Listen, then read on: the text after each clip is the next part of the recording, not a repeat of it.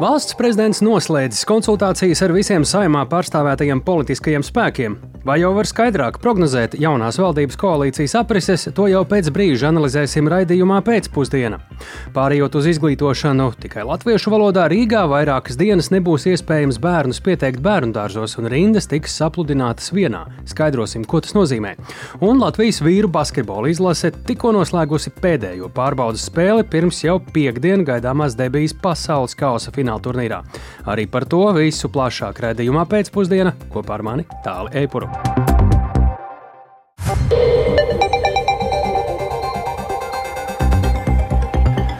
Pūkstens ir 16,5 minūtes. Skan pēcpusdienas ziņu programma, skaidrojot šodienas svarīgus notikumus. Studijā tālāk, Eipurs. Labdien! Ir noslēgušās valsts prezidenta Edgara Rinkeviča rosinātās konsultācijas ar visiem saimā ievēlētiem politiskajiem spēkiem par nākamās valdības veidošanu un tās galvenajiem uzdevumiem. Nu, ja tā var tā teikt, šo konsultāciju pirmais aplis un šodien Nacionālā apvienība, tas, kas no šīs dienas sarunām ir izrietējis, pavēstīja, ka ideoloģisku atšķirību dēļ nav gatava sadarboties ar progresīvajiem, turpat, eh, turpretī progresīvo līderis eh, ideoloģisks cīņas un sarkano līniju vilkšanu modina nolikt malā, lai vienotos par valsts attīstībai būtiskiem darbiem. Kritisks redzējums par nākamo valdību ir arī tās vadoš, veidošanā neiesaistītajām opozīcijas partijām, bet par visu plašāk un vairāk mums ir gatavs pastāstīt kolēģis Jānis Kīns. Viņš pievienojas studijā. Sveiks, Jānis! Saki, noslēdzoties šim sarunu posmam, kādas jaunas, tādas ievērības cienīgas atziņas, ieskaitot šīs, ko dzirdējām, ir izskanējušas? Sveicināti! Jā, pēc, šīs, pēc šīm sarunām, kas notika vakar un šodien, ir skaidri zināms, ka 14. saimā visplašāk pārstāvētais politiskais spēks jaunā vienotība ir gatava uzņemties valdības veidotāju lomu, un jaunās vienotības izvirzītā Evika Siliņa ir vienīgā pretendenta uz premjera amatu, taču koalīcijas, topošās koalīcijas aprises vēl netuvu nav skaidras. Valsts prezidents Edgars Rinkēvičs pirms šo sarunu sākuma pauda aicinājumu veidot iespējami plašu koalīciju, taču līdzinējie koalīcijas dalībnieki apvienotais saraksts un Nacionālā apvienība tieši līdzinējo trīsvienību kopā ar jauno vienotību ar vienu saredz kā optimālāko arī turpmākajam cēlienam. Un vienlaikus šajās dienās viņi atzīst, ka jaunu, atzīst jaunu situāciju, kas nozīmē valdības veidošanas sarunas no baltas lapas un arī tātad vēlam plašākas koalīcijas izveidi. Šodien Nacionālās apvienības pārstāvju valsts prezidentam nākamās valdības galveno uzdevumu lokā uzsvēra valsts drošības prioritāti, tajā skaitā pabeigt robežas infrastruktūras uz Krieviju un Baltkrieviju izbūvi, tāpat pārunāt ekonomiskās izaugsmas un reģiona attīstības jautājumi. Un eh, par to politisko pusi Nacionālās apvienības pārstāvis Jānis Dombrava par iespējām iekļauties nākamajā valdībā izteicās atturīgi, taču atkārtoja iebildumus par progresīvo iesaisti šajā procesā. Mēs eh, faktiski neredzētu, ka Nacionālajai apvienībai būtu jāatbalsta to vairākumu, kas eh, izveidojas pēc prezidenta vēlēšanām, kurā ir jaunā vienotība zaļo zemnieku savienības progresīva. Galvenais izslēdzošais elements ir tieši ideoloģiskās atšķirības, kas arī šķir mūs no progresīvo frakcijas, bet arī nu, kopumā valsts attīstības viedokļa raugoties, tas nebūtu pareizi, ka šādā koalīcijā Nacionāla apvienība mēģinātu iesaistīties tikai iesaistīšanās pēc. Tātad atbalstu Siliņai premjera amatā pat labam pauž opozīcijā esošie Zaļo un Zemnieku savienību un progresīvie, kur šajā sarunās atgādināšu iesaistījās līdz ar balsojumu valsts prezidenta vēlēšanās. Viņi kopā ar jauno vienotību veidot koalīciju ar niecīgu pārsvaru saimā tikai ar 52 balsīm. Un, savukārt līdzinājā koalīcijas partneri atbildi par iesaisti jaunajā valdībā nesniedz, saka, ka, radi, ra, ka to radīšot turpmākajās konsultācijās. Um, valsts prezidentam nominējot Siliņu premjera amatā tam partija progresīvie iesaistītos jaunajā koalīcijā, taču arī ar nosacījumu, ja gūs pārliecību par vienprātību vairākos jautājumos par papildu finansējumu nepieciešamību veselības nozarei, par cilvēktiesību jautājumiem, kas ietver cīņu ar vardarbību un neiecietību, kā arī bērnu namu sistēmas izskaušanu Latvijā, un kā arī trešo jomu par ilgspējīgu ekonomikas attīstību Latvijā. Nacionālās apvienības iebildumus pret progresīvo iesaisti šajā procesā šīs partijas līderis Kaspars Briškens komentē komentēja diplomātiski, ka ir jāspēj apsēsties pie viena galda un vismaz mēģināt sarunāties. Mēs pilnīgi noteikti esam gatavi ar visām partijām, tostarp Nacionālajā apvienībā sēsties pie viena galda un beidzot runāt par idejām, par saturu, meklēt kopsaucējus. Mēs ļoti labi apzināmies, ka starp progresīviem un Nacionālo apvienību ir ļoti būtiskas ideoloģiskas atšķirības. Bet vismaz mēs no savas puses, valsts interesu vārdā, stabilas valdības vārdā, mēs esam gatavi šīs ideoloģiskās domstarpības nolikt otrajā plānā un vismaz partnerus uzklausīt.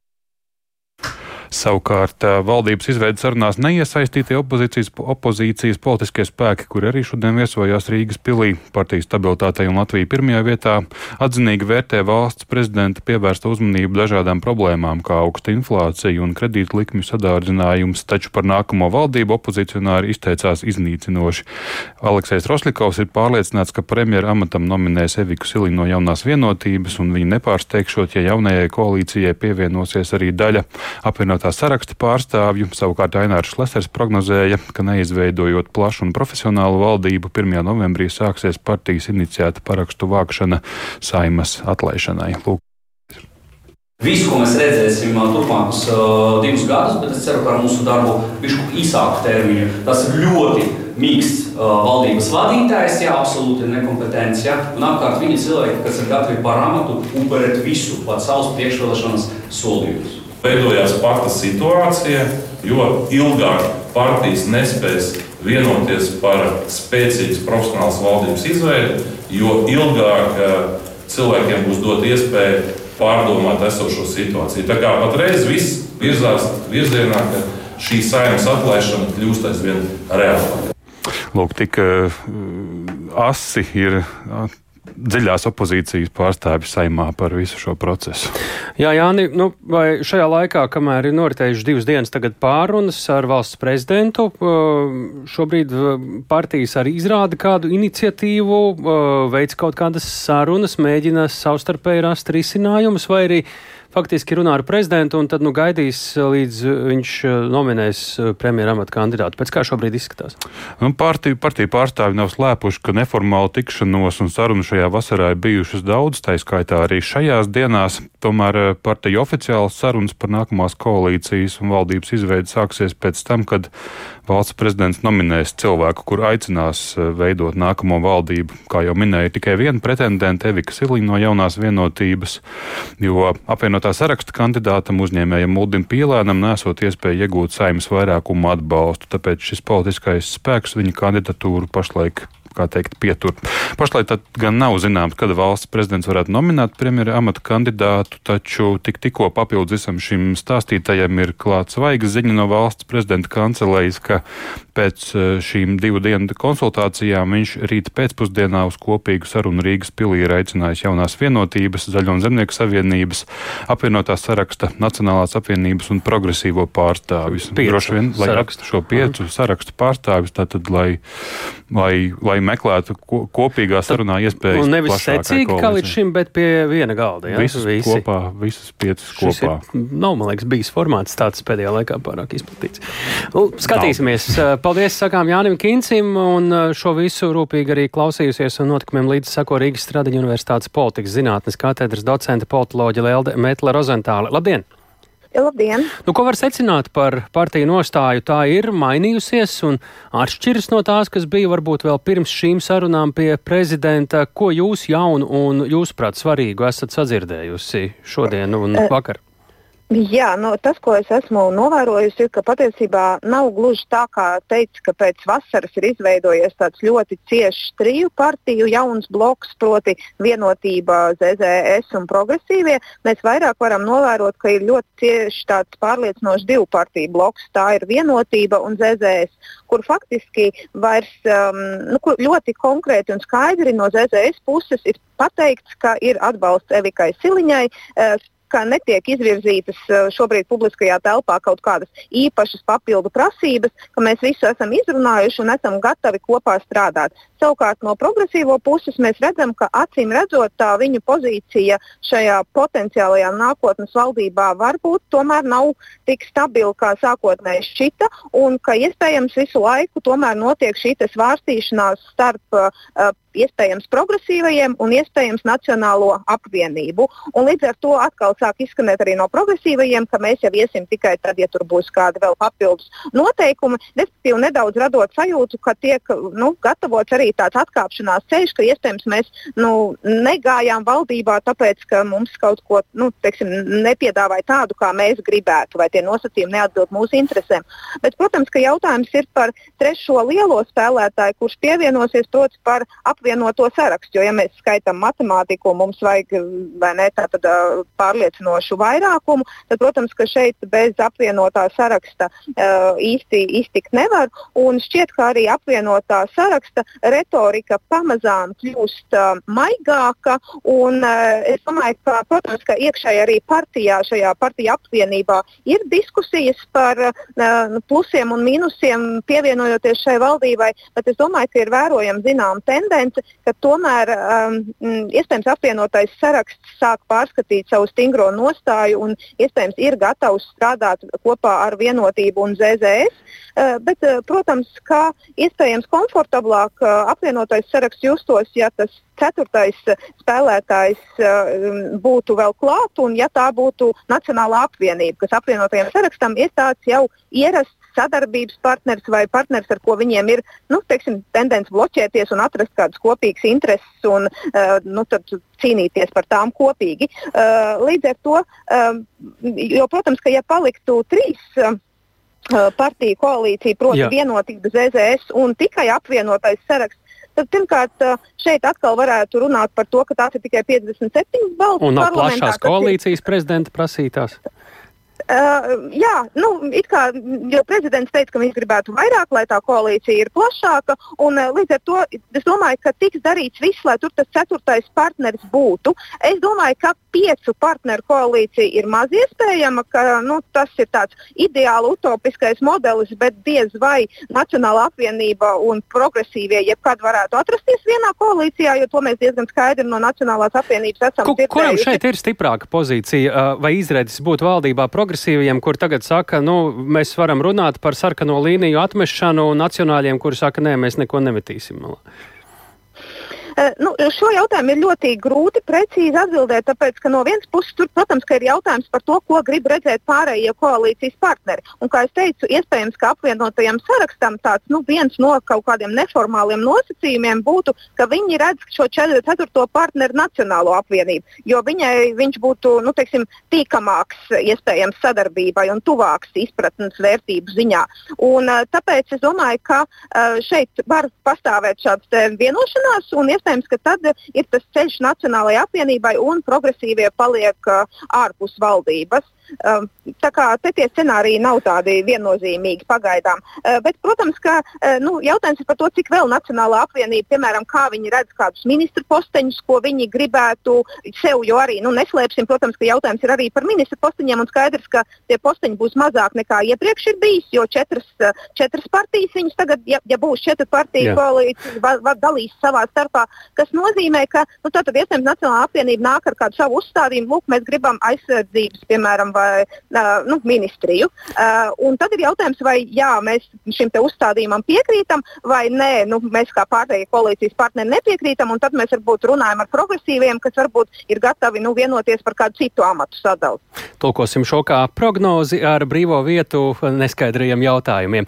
Lielas paldies par sarunu! To mēs sakām Lieldei Metlai Rozentālai Rīgas Stradiņu Universitātes politikas zinātnes katedras docentei. Tātad atgādinām, ka pirms dažiem mirkļiem savu nostāju pēc pirmā saruna apļa paudis arī valsts prezidents. Viņš uzsver, ka jauno ministru kabinetu jāspēj, jāveido iespējami plašam uh, saimas vairākumu atbalstam un uh, aicinājis jau rīt uz tikšanos Rīgas pilī jau um, politoloģis. Uh, plašāk aprakstītos piecus politiskos spēkus. Bet tikmēr arī no jau demisionējušās valdības tiek gaidīti svarīgi lēmumi. Tikai pavisam nedaudz laika ir atlicis līdz jaunā mācību gada sākumam, un šīs dienas valdības sēdē tāpēc bija paredzēts lemt arī par papildu 13 miljonu eiro piešķiršanu, lai apmierinātu pedagoģu streika prasības, celtu to algas atbilstoši grafikam, kā iepriekš bija vienojušās nozars ministrija un arotbiedrība. Par to vairāk ir gatava pastāstīt Ieva Puķa. Ieva, lūdzu, ir jau lemts valdībā vai vēl lemj? Jā, sveiks tālāk, sveiks klausītāji, kas veik klausītāji par šīs naudas summas piešķiršanu. Ministru kabinets vienojās ļoti ļoti ātri, jo acīm redzot, tā bija tikai formalitāte.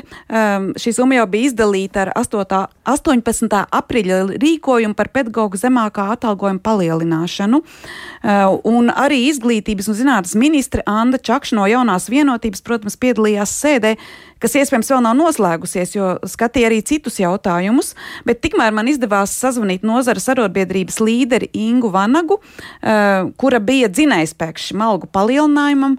Um, ko jau pagājušā mācību gadā izjuta pirmskolas pedagoģi, bet šajā mācību gadā vajadzētu izjust visiem pārējiem. Um, Vanaga sarunas sākumā ar mani precizēja, uh, ka 13 miljoni finansējums streika prasību izpildīšanai seks tikai pirmos četrus jaunā mācību gada mēnešus. Turklāt arī seks tikai daļēji. Lūdzu, paklausīsimies! Kopējā fiskālā ietekme streika prasību izpildēji četriem mēnešiem varētu būt nu, ap šiem 20 miljoniem un 13 miljoni no neparedzētajiem līdzekļiem un pārējais ir no brīvpusdienu neizmantotās daļas un no pašvaldību budžeta. Eh, Vanaga skaidroja, ka augstskolu mācību spēkiem algu kāpumu papildus kompensēs no neizmantotās brīvpustienu naudas, bet pirmskolas pedagogiem, kas strādā ar bērniem no pusotra līdz četrus gadus eh, vecumā, ar finansējumu pieslēgsies pašvaldības. Jautāja, kas tā par neizmantoto brīvpusdienu naudu, un viņa atbildēja, ka ir bijis precedents, ka nauda šim nolūkam piešķirta vairāk nekā vajadzīgs, bet pēc tam uh, ir pārdalīta. Un patiešām nav viegli orientēties visās šajās kalkulācijās kalkulācijās. Uh, Telefona sarunā Inga Vanaga turklāt uzsvēra, uh, ka patieso ainu pietiks vai nepietiks naudas pedagoģu algu paaugstināšanai, atbilstoši slodžu sabalansēšanai, varēšot redzēt tikai oktobra beigās, uh, kad tiks saņemti pirmie dati no pašvaldībām. Gada griezumā algu paaugstinājumu papildus būšot vajadzīgi ap 39 miljoni eiro. Un tad es jautāju, kāds tad būs šis skaidrs, ko oktobrī pedagoģi ieraudzīs savās algu lapiņās. Un atbilde bija šāda zemāka algas likme ir pacelta par 8,4%. Naudu tālāk sadalīs katrā pašvaldībā. Un tad es vēlreiz jautāju, kāda būs pedagoģa alga absolūtos skaitļos, un klausieties Ingas Vanagas atbildi skolu skolotājiem, ņemot vērā, ka ir šī 36 stundu darba nedēļa, mēnesī šī zemākā darba algas likme ir 1224 eiro. Un pirmsskolas pedagogiem, kuriem par 40 stundu darba nedēļu nedrīkstēs maksāt mazāk kā 1240 eiro. Un, ja mēs stundas ietvarā analizējam, tad pirmsskolas pedagogiem no 6,69 eiro par stundu nedrīkstēs maksāt mazāk kā 7,75 un skolu skolotājiem tātad no 7,50 ja, uz 8,50 par stundu. Jā, šie cipari ir brutto, respektīvi uz papīra, bet pedagoģu algas paredzēts kāpināt arī nākamgad. Inga Vanaga piekrita, ka tie 2,5 tūkstoši eiro par algas likmi ar šādiem solījumiem nākus klajā izglītības ministrija pēc trim gadiem varētu nemaz nebūt utopija. Taču jāatzīmē, ka šajā ministru kabineta sēdē papildus bija jāizskata vēl divi izglītības nozarei vitāli svarīgi rīkojumu projekti, kas varbūt nosaukums neizsaka šo lietas būtību. Grozījumu ministru, noteik, ministru noteikumos par valsts pamatizglītības standartu un pamatizglītības programmu paraugiem. Un tas pats attiecīgi arī par vispārējās vidējās izglītības standartu un vispārējās vidējās izglītības programmu paraugiem. Ko tas nozīmē? Izrādās, ja, ja šādi um, grozījumi tiktu pieņemti, tad no 1. septembra stātos spēkā arī jauna skolēnu vērtēšanas sistēma. Uh, taču laikam jau pārmaiņu šobrīd nozarē ir pārāk daudz, uh, jo tikpat raiti uh, kā par finansējumu, tā ministri izlēma, ka šajā mācību gadā vērtēšanas mm. kārtība vēl nemainīsies. Nu, galvā broši, tā teikt, dažādi kūleņi. Izskatās, ka vismaz daļa no tiem nenotiks. Paldies! Mēs sakām, ja, ja vai puķei tas arī bija svarīgākais. Jāpiebilst, ka rīt par pedagoģu atalgojumu citiem ar šo tematiku saistītiem tematiem redzījumā labrīt iztaujās kolēģi esošo līdzinēju izglītības un zinātnes ministri Antu Čakšu. Un uz viņa rīdziniekiem, bērnu vecākiem Rīgā bērnus dažas dienas nevarēs pieteikt bērnu dārzos. Sistēma būs aizvērta. Iemesls ir bērnu dārza rindu sapludināšana, jo notiek pāreja uz izglītošanu latviešu valodā. Tas nozīmē, ka pieteikšanās uz Rīgas bērnu dārziem nedarbosies no šī šīs piekdienas līdz nākamajai pirmdienai. Faktiski divu valodu izglītības iestādēs reģistrētie pieteikumi tiks apvienoti vienā rindā, saglabājot pieteikumu reģistrācijas laiku. Ja bērns bija reģistrēts rindā abās programmās, tad tiks saglabāts pieteikums uz agrāko laiku. Iepriekš reģistrētie pieteikumi uz bērnu dārziem Rīgā tātad saglabājas, jauni pieteikumi nav jāveido, un pie mūsu klausulas, lai precīzāk paskaidrotu, ir Rīgas izglītības, kultūras un sporta departamenta pirmskolu nodaļas vadītāja Iveta Nagla. Labdien! Labdien! Kā tas viss izskatīsies uh, uh, pēc tam, kad būs sapludināts šīs abas pieteikuma plūsmas, un kas būs tā galvenā atšķirība no tās pieteikšanās uz bērndārziem, kāda bija līdz šim? Uh, būtībā vecākiem uh, izmaiņas nebūs nekādas. Vienīgi uz katru konkrēto izglītības iestādi, kur vecāks izraudzīsies, vairs nebūs iespēja pieteikties divās programmās, tātad latvie, latviešu vai mazākumu tautību, bet tikai būs viena uh, iespējamā programma, programma valsts valodā. Un, uh, tas nozīmē, ka jau no 29. augusta, kad uh, mazākumu tautību rindā reģistrētie bērni būs savienoti ar latviešu programmā reģistrēto pieteikumu uh, rindu, uh, tad no 29. augusta izglītības iestādes, kas vēl veidos bērnu uzņemšanas sarakstus uz jauno mācību gadu, tos veidos no vienas vienotās rindas. Nu, būtu visai savādi, ja rindu garums un ilgums būtu vienāds uz vienu vai otru no šīm programmām. Uh, līdz ar to, uh, kā sanāk, kur, vai nesanāk tā, ka bērni, kuri pieteikt, pieteikts programmām valsts valodā vai uz šo otru programmu virzienu, kaut kādā veidā saņem sev priekšā vairāk uh, rindā gaidītāju, vai tieši otrādi tiek tuvāk rindā? Nu, jāsaka, ļoti daudz mazākumu tautību ģimeņu vecāki izvēlējās savus bērnus reģistrēt abās programmās, gan latviešu, gan mazākumu tautību.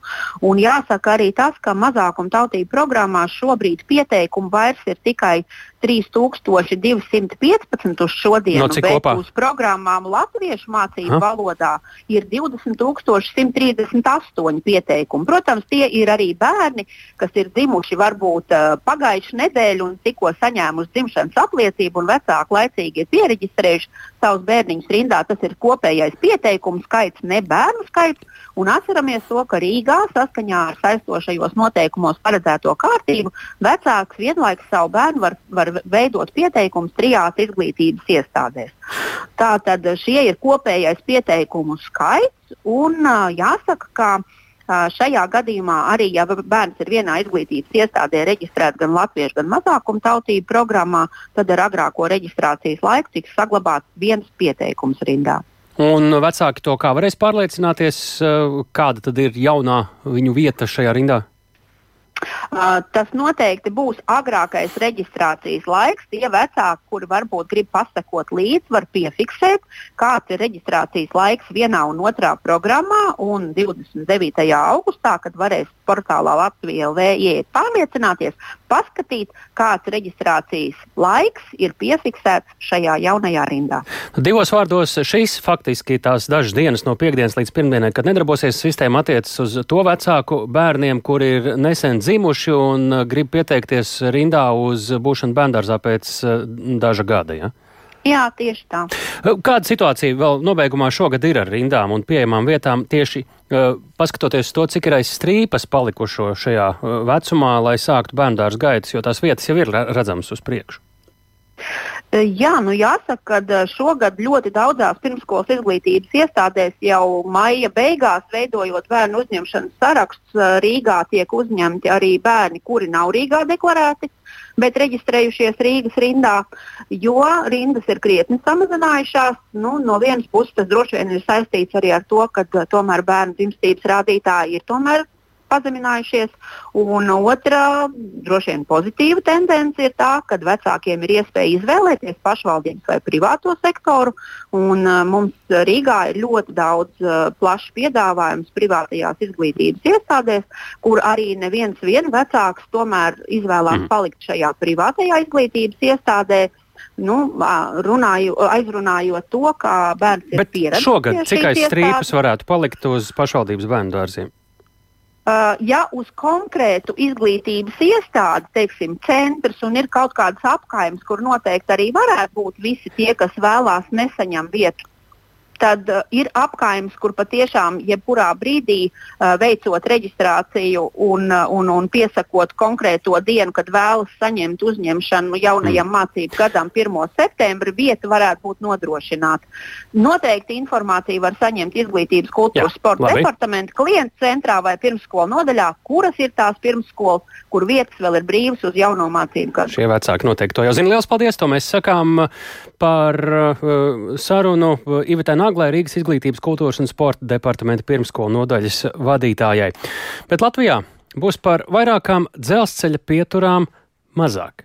Mazā pasažieru skaita dēļ sabiedriskā transporta padome līdz gada beigām nolēmusi slēgt sešas stacijas. Tas sociālajos tīklos ir izsaucis pamatīgu viedokļu vētru, arī sašutumu, atgādinot, ka taču tieši dzelzceļa valstī tiek uzskatīts vai pieņemts uzskatīt kā sabiedriskā transporta mugurkaulu. Kāpēc padome tomēr šādu lēmumu pieņēmusi? Vairāk Viktora Damīdova ierakstā.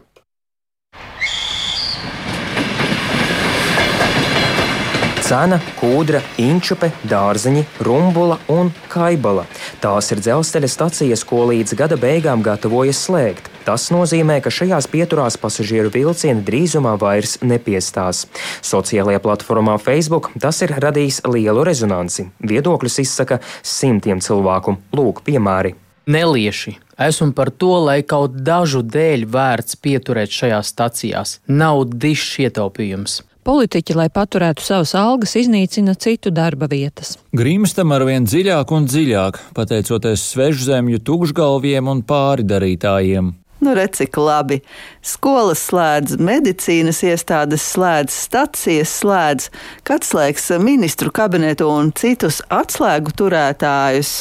Pērk jaunus vilcienus, bet stacijas slēdz. Superlogika! Pagājušajā gadā darbdienās pieminētajās stacijās vienā vilcienā iekāpa vai izkāpa vidēji mazāk par vienu cilvēku, bet stacijā Inčupe viens pasažieris iekāpa vai izkāpa tikai vidēji katrā trešajā vilcienā.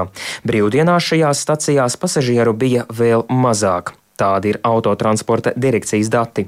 Iestādē norāda, ka sabiedriskā transporta padome par staciju slēgšanu spriedusi jau kopš 2019. gada, turpina direkcijas pārstāvis Viktors Zaķis. Tie cilvēki, kuri izmanto, protams, ka viņus varu saprast, bet es domāju, ka tie cilvēki, kuri brauc tālāk aiz šīm pieturvietām un grib nokļūt ātrāk gan uz darbu Rīgā, ja viņi brauc, vai pēc tam vakarā uz mājām, viņiem atkal šis ātrums palielināsies. Tad, redziet, ir ar sabiedriskā transporta transportā tā situācija ir, ko, kurā pirkstā grib visi sāp, bet tajā pašā laikā sabiedriskais transports tomēr orientēts ir uz sabiedrību kopumā. Pasažieriem saglabājās iespējas nokļūt sev nepieciešamos galpunktos ar reģionālu autobusu. Lēmumu nosoda satiksmes eksperts un bijušais nozares ministrs Andrijs Matīs, norādot, ka valsts vilcienu jau ilgstoši pozicionē kā sabiedriskā transporta mugurkaulu.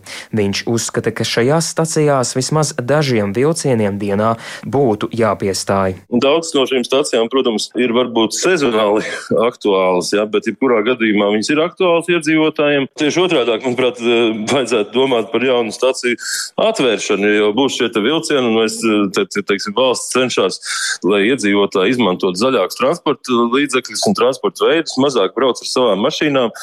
Skaidrs zināms, ka arī Igaunijā, kad tika jaunie vilcieni iedarbināti un palaisti eksploatācijā, tad šis eh, braucēju skaits palielinājās divas reizes.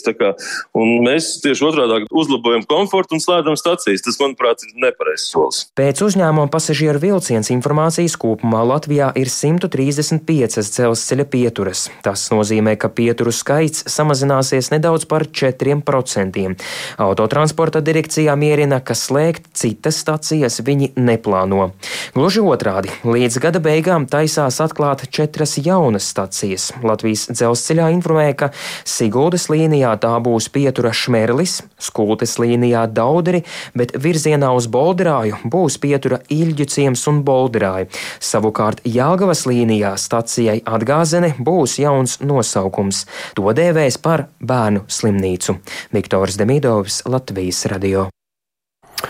Šobrīd no Latvijas pārceļamies uz notikumiem ārpusē Ukrainas armijai. Šodien izdevies ar kauju ieiet Zaporīžas apgabala robotīnas ciemā. No ciema jau evakuēti vairāk cilvēki. Par to ir pavēstījusi Ukrainas aizsardzības ministrija. Kaujas joprojām turpinās, un Krievijas karaspēks nebeidz apšaudīt ciematu. Plašāk par situāciju mums ir gatavs stāstīt Rihards Plūme. Sveiks, Rihard! Jā, labdien! Ir zināms tas, ka Robotīnas ciemā, kas, kā jau minēji, atrodas Zaporīžas apgabalā un atrodas nepilnu 30 km attālumā uz ziemeļiem no Tokmakas pilsētas, tur ir iegājuši Ukrainas bruņoto spēku 47. atsevišķās mehanizētās brigādes karavīri. Un uh, Ukrainas aizsardzības ministra vietniece Hanna Maļara ir norādījusi, ka Krievijas armija atrodas aizsardzībā uz Zaporīžas un Hersonas asīm, un pie Robotinas Ukrainas armijai beidzot ir izdevies pārvarēt Krievijas izveidoto aizsardzības līniju un ar kaujām iet šajā te uh, ciemā. Uh, zināms, ka no ciema ir evakuēti vismaz seši cilvēki, iedzīvotāji no ciema ir tikuši izvesti ar rietumu piegādāto bruņmašīnu Bredlī, un pēc nogādāšanas drošākā vietā 47. Eh, brigādes mediķi ir apskatījuši iedzīvotājus un devuši arī viņiem iespēju piezvanīt savām ģimenēm. Par to liecina arī 47. šīs te brigādes uzņemtais video. Paklausīsimies nelielu fragmentu no vienas no telefona sarunām, kurā kāda evakuēta sieviete sarunājās ar savu meitu pēc evakuācijas. Alo, dočiška, alo, alo. Halo, meitiņ! Sveika, Lelīt! Meit mūs izveda. Meitiņ, neraudi, mēs jau viss, mēs mājās. Neplač, мы уже все, мы уже дома. Сашенька.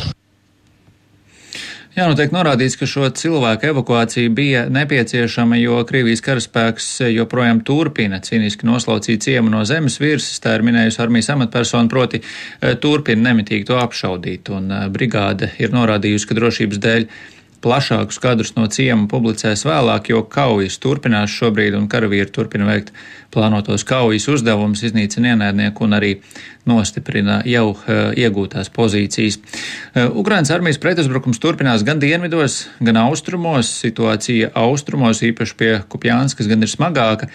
Krievijai nemitīgi uzbrukot un apšaudot šo Ukrainas uh, pilsētu. Ukrainas pretuzbrukuma mērķis varētu būt sauszemes koridora uz Krīma nogriešana Krievijai. Ja izdotos tikt līdz Melnijai jūrai, tad būtu iespējams arī dot daudz nopietnākus triecienus pa Krievijas armijas infrastruktūru visā Krimas pussalas teritorijā. Un saprotams, ka vairāk kārt ir izskanējis arī tas, ka Ukraina negrasās vienoties par kādu mieru, kamēr nebūs atgūta arī Krīma. Un laiku pa laikam rietumu amatpersonu vai analītiķu izteikumos gan parādās šaubas par to, vai tas būs iespējams ar militāriem līdzekļiem.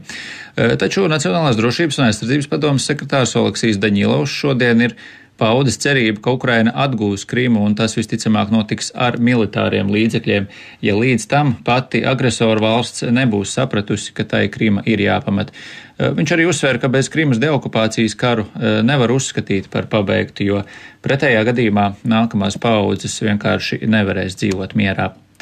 Eh, tas eh, šim brīdim stāstāms par Ukraiņu tāli. Paldies Rihardam Plūmēm par tātad, tas, ko mēs varam atgādināt, ir, ka Ukraiņas armija šodien ir izdevies ar kauju ieiet Zaporīžas apgabala robotinis ciemā. Tikmēr par spīti sīvām kaujām frontē Ukraina gatavojas neatkarības dienai. Tā ir parīt 24. augustā. Un jau otro reizi to atzīmēs vispārēji kara apstākļos. Un šobrīd esam sazinājušies ar Latvijas radio korespondentu Ukrainā Indru Sprānci.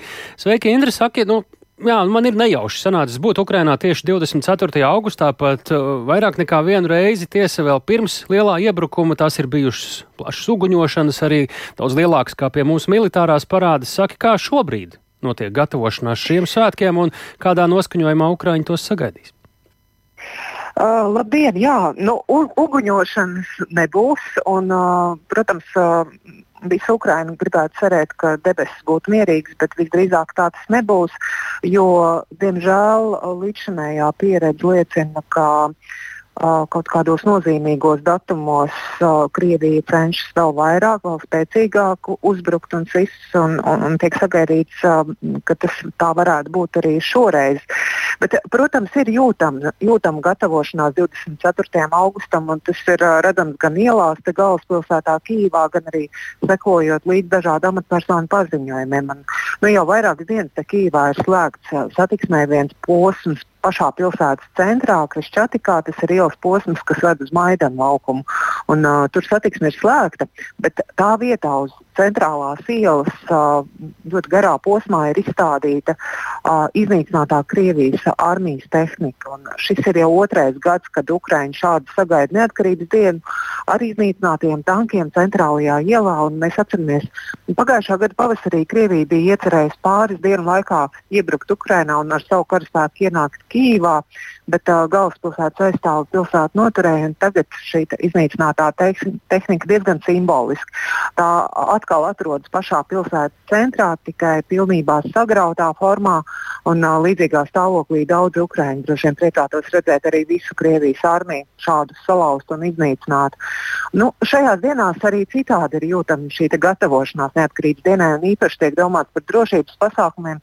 Kā zināms, um, Krievija īpaši apšauda un uzbruk Ukrainai noteiktos datumos, un, un tiek sagaidīts, ka tas tā visdrīzāk būs arī šajā 24. augustā vai dienas pirms un varbūt kādu laiciņu pēc tam, ka, tas, ka tie uzbrukumi varētu būt spēcīgāki nekā parasti. Un, un tāpēc amatpersonas jau laicīgi gatavojas ir visāda veida brīdinājumi.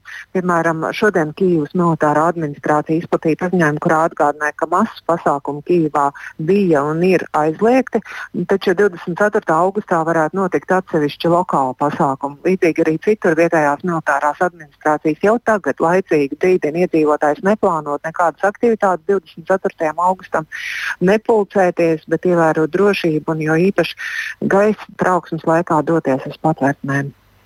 Nu jā, šeit arī būtu gan interesanti, gan svarīgi saprast, kāds tad ir sabiedrības noskaņojums tīri socioloģiski, runājot par kādām aptaujām par Ukraiņu noskaņojumu, kādā viņi šo dienu, 24. augustu neatkarības dienu sagaida. Jā, vakar Kīivas mediju centrā tika publiskota Vox Ukraina sabiedriskās domas aptauja, kurā tūkstoši iedzīvotāji izvaicāti par to, kādas reformas viņi šobrīd vēlētos Ukrainā. Un, uh, neapmierināt, vislielāko neapmierinātību aptaujā tie ir pauduši saistībā ar korupcijas apkarošanu. 81% uzskata, ka tai šobrīd būtu jābūt prioritātei numur viens. Uh, tāpat iedzīvotāji ieskatā reformas būtu jāveic arī veselības aprūpas sistēmā, tiesās, izglītības sistēmā, pensiju jomā, kā arī jāturpina armijā. Paklausīsimies mazu fragment no Vox čeku pārstāves Svitlānas Slipčenko sacītā. Що очікують українці від реформ? В першу чергу це ko Ukraiņi sagaida no reformām. Pirmkārt, tā ir korupcijas mazināšanās. Pēc iedzīvotāju domām tas ir galvenais rezultāts jebkurām reformām. Otrajā vietā - Ukraiņu labklājības celšana.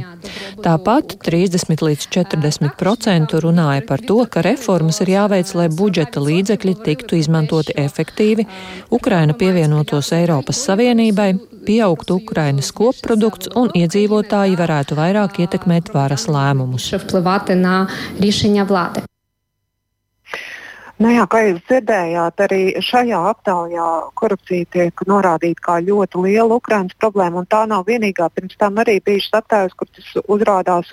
Interesanti, eh, ka aptaujājot iedzīvotājus, viņiem uzdots arī jautājums, kas viņuprāt ir par iemeslu korupcijai šeit Ukrainā. Un aptaujā tie snieguši dažādas atbildes līdzās eh, tādām lietām kā naudas kāri, cilvēku mentalitāte un citas.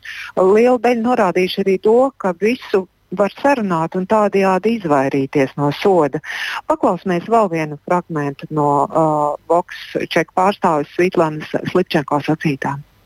Тобто не працюючи судова систēma. Nestrādājoša tiesu sistēma, tas, ka korumpanti var iedot kukuļus, vispār pats fakts, ka tie, kam būtu jācīnās pret korupciju, arī paši ir lielākie korumpanti. Pēc iedzīvotāju domām tas ir galvenais iemesls korupcijai mūsu valstī. Korupcija в нашій країні. Jā, un šajā aptaujā iedzīvotāji arī lūgti novērtēt eh, jau īstenotās reformas šobrīd Ukrainā. Un uh, viss nav tik slikti vismaz atsevišķās jomās. Uh, tā piemēram, valsts iestāžu digitalizācijas reformu iedzīvotāji vērtē kā veiksmīgu. Uh, 62% to šādi atzīmēja. Disku, diskusijā arī bija jūtams, ka Ukraiņi paši ļoti lepojas ar savām jaudām digitalizācijā. Viņiem ir spēcīgi attīstīta elektroniskā dokumenta aprita atsevišķās jomās. 41% iedzīvotāju kā veiksmīgi atzinuši arī armijas reformu. Te gan liela daļa, 30% to vērtējuši kā 50 uz 50, respektīvi pusi uz pusi, bet 13% kā neveiksmīgu.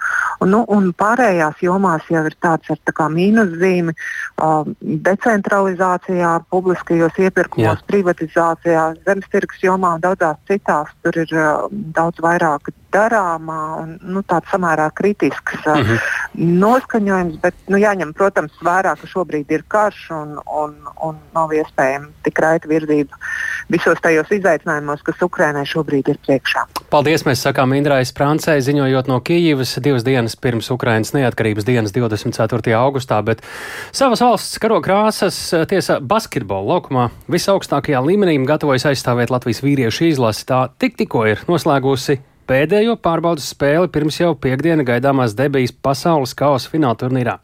Pēdējā pārbaudas cīņa šodien bija pret uh, spēcīgajiem lietuviešiem, tā ļaujot uh, izdarīt secinājumus, kāds tad varbūt ir Latvijas izlases reālais spēks pirms paša fināla turnīra, un skaidrs, ka šī spēle noteikti arī atstāja savu emocionālo iespaidu pirms tik atbildīgi startējošo piekdienu. Un tad, lai rezumētu šīs dienas pārbaudas maču pret Lietuvu un arī visu pārbaudas spēļu ciklu studijā, mums pievienojas kolēģis Mārtiņš Kļavinieks. Sveiks, Mārtiņ! Nu, kā tad Noslēdzies principiālais duelis pret Lietuvu. Nu, tas, ko es redzēju rezultātā spēles sākumā un arī izskaņā, nekā īpaši principiāli beig beigās mūsējiem tur, diemžēl, nesanāca.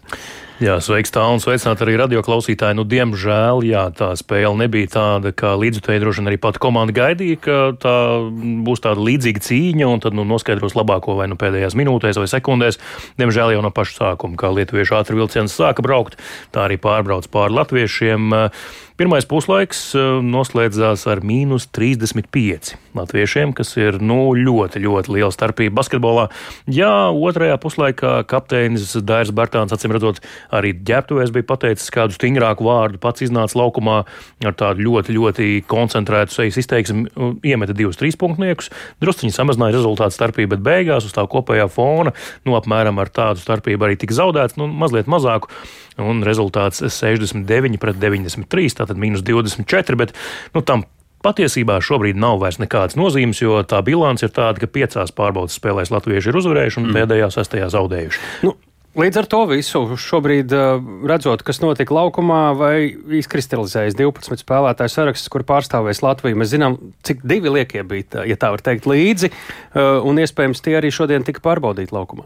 Jā, ļoti iespējams, jo tie, kuri tika atstāti malā šodien, tātad ir jā, 14 spēlētāji devuši, devušies uz Taivānu, tālāk uz Džakartu drīkst lidot tikai, nu, lidot drīkst arī vairāk, bet pieteikumā iekļaut drīkst tikai 12. Tātad jāatrod divi liekie. Šodien malā palika Rodions Kuruts un Klaus Čavars kuri es domāju, es personīgi teikšu un apgalvošu, ka viņi spēlēs eh, pasaules kausa izcīņā.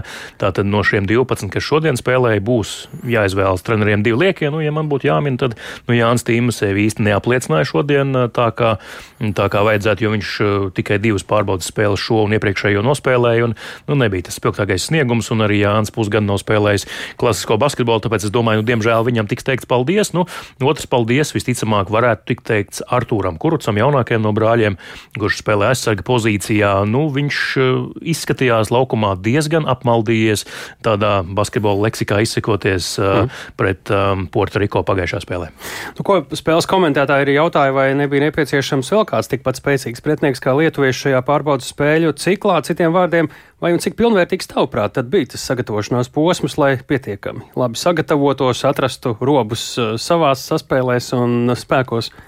Tā ieskriešanās bija tāda pakāpeniska, liepājā ar Zviedriju, kas ir tāds labs pretinieks eh, sākuma posmam, bet pēc tam man šķiet, jā, es personīgi teiktu, ka vajadzēja vēl vienu tādu nopietnāku pārbaudas spēli. Nu, taisnības labāk gan jāsaka, ja piemēram Dominikāna vai šeit Rīgā vai arī Somija augusta. Būtu nolikuši stiprākos pretī. Jā, ja viņiem būs stiprākie sastāvi, Karls Antonijs Tauns Dominikānai, ja Lauri Markanens savukārt Somijai, abi līderi, tās būtu pavisam citas komandas un tā būtu arī pavisam cita cīņa. Tāpēc teorētiski nevar pārmest Latvijas Basketbola Savienībai par šādu pretinieku izvēli, bet, sanāc. diemžēl, sanāca kā sanāca. Jā, tās tomēr nebija tādas pilnvērtīgas saspringtas pārbaudas spēles. Nu, un, acīm redzot, lietuvieši ļoti uzskatām parādīja arī vājās vietas latviešiem. Tā ir spēle viens pret viens, tā ir aizsardzība savu grozu tūmā, tā ir fiziskā spēle, kurā lietuvieši ļoti labi darbojās šodien, un tas viss Latviju sagaida pasaules kausā pret Kanādu un pret Franciju. Nu, žēl, ka varbūt nekādās iepriekšējās spēlēs, bet labi, ka tomēr pārbaudas spēlē joprojām šis, šī augstā duša. Nu, karsta duša, nu, nezinu, vai no gaisa vai gaisa temperatūrā varētu sagaidīt Māri Bergu, kurš jau ir devies uz Džakartu 27 grādi. Tur šobrīd gāž lietus. Es skatos laikapstākļu informācijā, ko Latvijas radio kā atspoguļos pasaules kausa fināla turnīrā. Jā, tu jau pieminēji tālī, tātad no piekdienas, 25. augusta, kad arī sākas pasaules kausa fināla turnīrs un Latvijai pirmā spēle pret Libānu. Jau dienas pirmajā pusē, tad arī 8.15 no rīta programmā Labrīt katru rītu arī basketbola studiju, to vadīs Andrejs Siliņš, un Māris būs, jā, tajā pusē Džakartā un stāstīs par to, ko tur redz un piegādās jaunāko informāciju no tās puses. Nu, jāsaka gan, ka ceram uz Latvijas Basketbola Savienības sapratni un lielāku atvērtību nekā tas bija pārbaudas spēļu ciklā, lai tā informācija būtu arī sasniedzama, e, iegūstama un pēc tam arī pārraidāma. Mājiens ar mazu mietiņu sociālajos tīklos, kur jāsako līdzi Latvijas radio aktivitātēm un jaunumiem no Latvijas Džakartas. radio ziņu dienests, e, sekojiet e, tam līdzi, jā, tur arī viss mm. būs un Latvijas radio, protams, konts, Latvijas radio pirmā kanāla konts arī Facebook lietotnē, tur to visu varēs atrast, klausīties, dzirdēt, redzēt, redzēt jā, redzēt gan mazāk mazāk, jo mēs ar Māriju arī pārbaudījām, nu, ļoti stingri. Uh, Lielā starptautiskā federācija ir pret video uzņemšanu, ja tu neesi televīzijas Nu pārstāvs, tā kā uz to necēlās. Detaļas. Būs, būs viss, kas vajadzīgs Latvijas radio audio formā, pavisam noteikti. Paldies sakām Mārtiņam Kļaviniekam, turam īkšķi par mūsu basketbolistiem. Paldies arī sakām jums, klausītāji. Dodieties uz Latvijas radio lietotni, arī tur būs daudz basketbola uh, tuvāko nedēļu laikā. Klausieties arī tur raidījumu pēcpusdienu jums ērtā laikā. Mēs tiekamies rīt pēc ziņām 4 un 5 pēcpusdienā. day.